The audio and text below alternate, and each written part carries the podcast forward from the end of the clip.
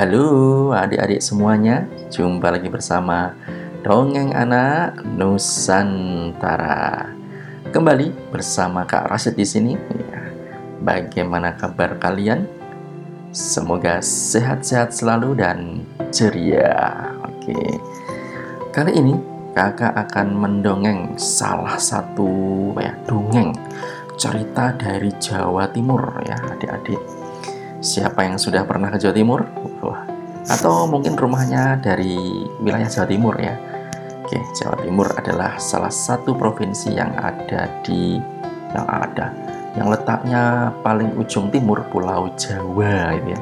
Dengan ibu kotanya yaitu Surabaya. Oke. Nah, langsung saja ya teman-teman dan adik-adik semuanya. Jadi ceritanya pada pada zaman dahulu, di sebuah kerajaan Jenggala, hiduplah seorang raja yang bernama Raden Putra. Ia mempunyai seorang permaisuri yang sangat baik hati dan seorang selir yang cantik. Namun, kecantikan selir tidak sama seperti hatinya gitu ya si selir raja ini memiliki sifat yang iri ya pada permaisuri teman-teman.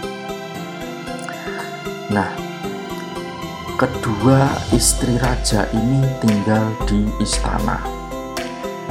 Akhirnya karena sang selir ini iri kepada sang permaisuri akhirnya selir mulai merencanakan kejahatannya untuk menggantikan posisi permaisuri. Ia bekerja sama dengan seorang tabib istana untuk melaksanakan rencananya. Suatu hari, selir raja pura-pura sakit. Akhirnya raja segera memanggil tabib. Nah, setelah memeriksa keadaan selir, raja pun menanyakan apa yang terjadi.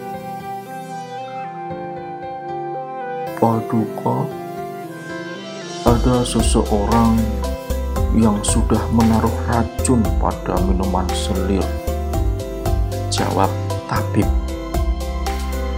Siapa yang berani melakukan ini kepada selirku?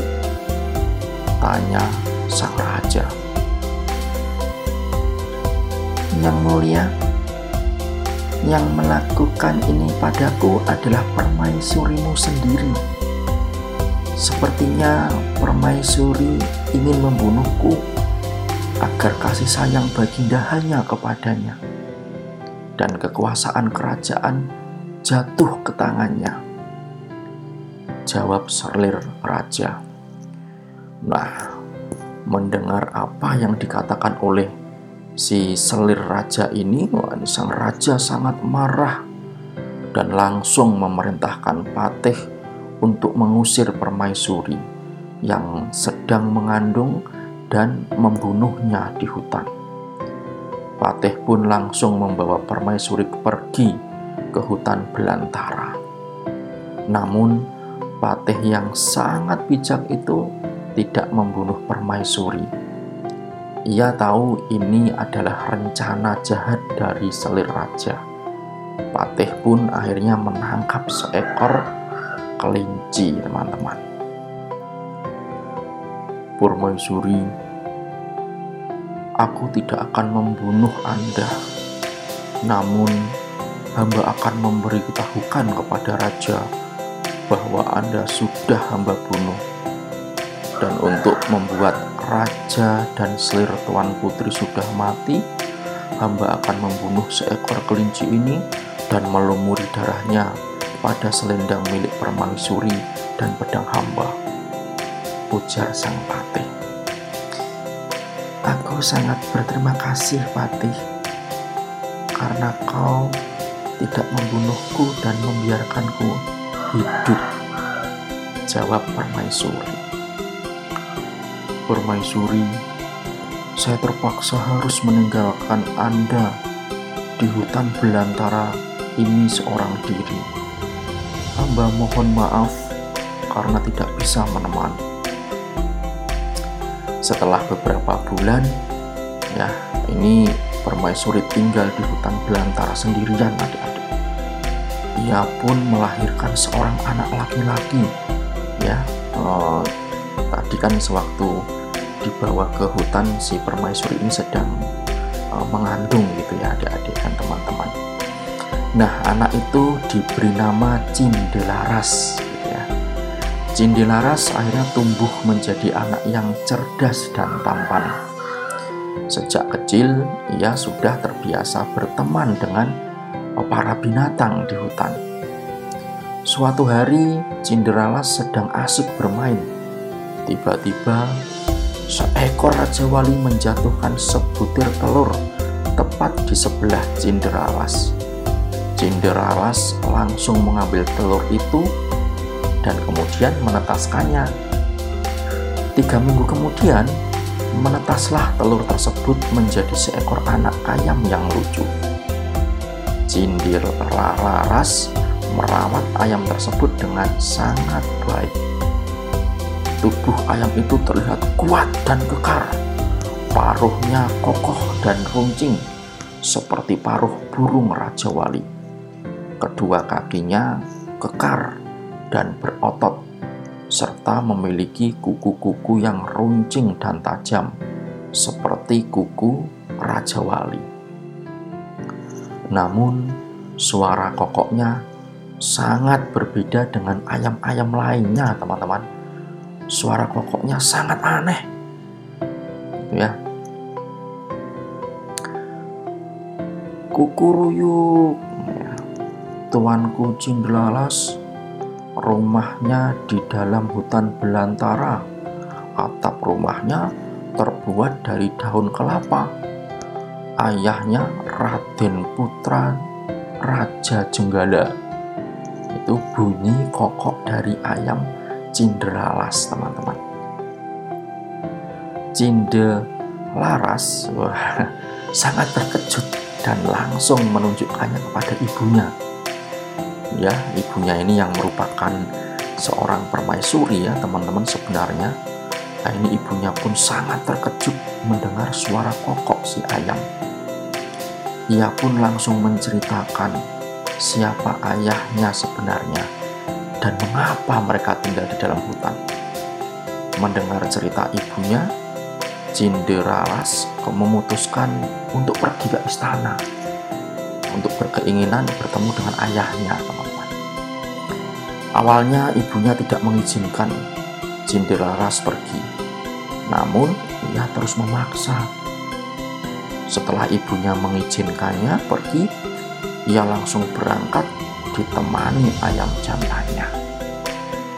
Nah, namun di tengah perjalanan Cinderalas bertemu dengan orang-orang yang sedang mengadu ayam. Dan mereka melihat Cinderalas membawa ayam jagonya dan mengajak ikut menguji kehebatan ayamnya. Eh, kamu, apakah berani adu ayam dengan ayam jagoku ini? yang kuat, ujar mereka. Baiklah, jawab Cinderalas ya. Nah, ternyata ayam jantan milik Cinderalas dapat mengalahkan lawan setelah beberapa kali diadu. Namun, ya, dan ayamnya ini, ayamnya Cinderalas ini tidak dapat dikalahkan, teman-teman. Ayamnya kuat, gitu ya. Tadi seperti diceritakan bahwa ayamnya ini oh, apa kukunya yang tajam kemudian paruhnya yang runcing menyerupai kuku cakar atau paruhnya Raja Wali gitu ya akhirnya setelah berhasil mengalahkan ayam-ayam milik orang desa gitu ya berita tentang kehebatan ayam jantannya Cinderalas terdengar hingga ke telinga Raja Raden Putra. Akhirnya si raja ini langsung menyuruh hulu balangnya. Hulu balang ini anu ya teman-teman ya seperti prajurit pelayan gitu ya untuk mengundang Cindralas datang ke istana. Nah akhirnya ya Cindralas tidak menyia-nyiakan kesempatan ini sampai kemudian Cindralas sampailah di istana raja Raden Putra gitu ya Paduka, hamba menghadapmu, kata Cindralas dengan sopan. Anak ini sangat tampan dan cerdas. Sepertinya ia bukan dari kalangan rakyat biasa. Ujar sang raja dalam hati.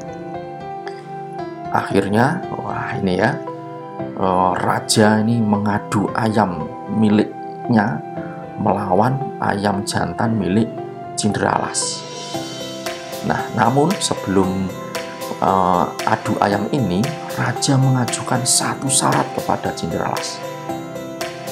Jika Cindralas kalah, maka Cindralas harus menyerahkan ayam jantannya, ayam jantan yang dimilikinya kepada sang raja untuk kemudian kepalanya dipancung ya. Karena sang raja mungkin ya tidak ingin ada saingan untuk uh, ayam jantan miliknya begitu teman-teman. Namun jika uh, nanti si Cindralas ini yang menang maka Raja Raden Putra akan memberikan setengah dari kekayaannya teman-teman wah akhirnya pertandingan antara apa ayam jantan milik Cindralas dan dengan uh, ayam jantan milik Raja Raden Putra pun dimulai. Wah, kedua ayam saling berhadapan. Ya teman-teman ya, saling ini mengangkat apa sayapnya begitu. Tampak dua ekor ayam jantan yang sangat gagah akan bertarung gitu dalam uh, hitungan menit ya langsung jebret jebret jebret ya. Mereka saling apa uh, mematuk. Mereka saling apa mencakar ya menancapkan apa itu senjata yang ada di kakinya menggunakan kuku-kukunya begitu ya. Saling bergantian begitu ayamnya. Nah ternyata ayam jantan milik Cindralas dapat mengalahkan ayam jantan milik sang raja Wah, penonton pun bersorak memberikan selamat kepada Cindralas. Ya. Baiklah, aku mengaku kalah. Akan kuserahkan setengah kekayaanku menjadi milikmu, Cindralas. Namun sebelumnya, aku ingin bertanya, siapa kamu sebenarnya? Ya, ujar sang raja. Cindralas langsung membungkuk dan membisikkan sesuatu kepada ayamnya. Beberapa menit kemudian, ayam jantan tersebut mengeluarkan suara, teman-teman. Suaranya seperti uh, ya pada awal saat Indralas mendengar ya saat di rumah gitu ya kok suara kokoknya ini. Kukuruyuk, tuanku Cinderelas, rumahnya di dalam hutan Atapnya terbuat dari daun kelapa ayahnya Raden Putra. Nah, ayam jantan itu berkokok berulang-ulang, teman-teman. Raden Putra sangat terkejut mendengar suara kokok ayam Cindralas. Benarkah itu? Tanyanya dengan sangat heran dan penasaran. Benar sekali, Baginda. Hamba Cindralas putra dari permaisuri Baginda? Jawabnya dengan tegas. Akhirnya Raden Putra langsung memanggil Patih.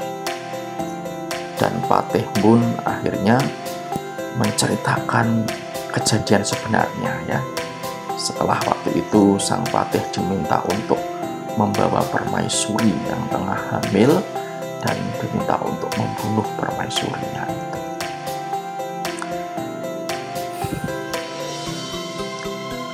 aku sudah melakukan kesalahan dan memberikan hukuman kepada permaisuri yang tidak bersalah. Aku akan memberikan hukuman yang setimpal kepada selir. Ucap sang raja ini menyesal teman-teman. Raja Raden Putra pun akhirnya langsung memeluk Cindralas dan meminta maaf atas segala kesalahannya itu. Raden Putra, Patih, dan para hulu balang langsung pergi ke hutan dan menjemput permaisuri. Akhirnya, Raja Raden Putra, Permaisuri, dan Cinderala's hidup bersama dan bahagia teman-teman ya. Setelah Raden Putra meninggal, Cinderala's lah yang kemudian menggantikan ayahnya sebagai raja. Dan dia memimpin kerajaan dengan adil dan bijaksana. Oke, begitu ya adik-adik teman-teman semuanya kisah si Cinderala's jadi eh, kiranya ya pastinya adalah pesan dari cerita ini apabila kita berbuat jahat pasti kita nanti akan mendapatkan buah dari eh, perbuatan jahat kita itu di kemudian hari namun apabila kita berbuat baik ya maka kita akan mendapatkan buah dari perbuatan baik itu di uh, kemudian hari. Nah, teman-teman, kemudian uh, itulah ya. Uh, jadi kalau kita intinya kalau teman-teman adik-adik semuanya uh, selalu membantu teman yang lain, selalu berbagi, gitu ya, pasti nanti akan terbalas atau dibalas ya. Pasti nanti akan ada yang membantu teman-teman ada yang akan membagikan sesuatu ke teman-teman begitu ya.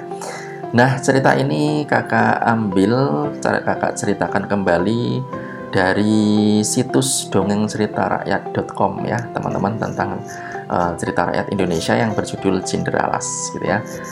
Uh, semoga adik-adik terhibur dan sehat selalu ceria selalu ya dan selalu hebat ya teman-teman adik-adik semuanya. Apa yang menjadi cita-cita kalian nanti dapat uh, tercapai begitu.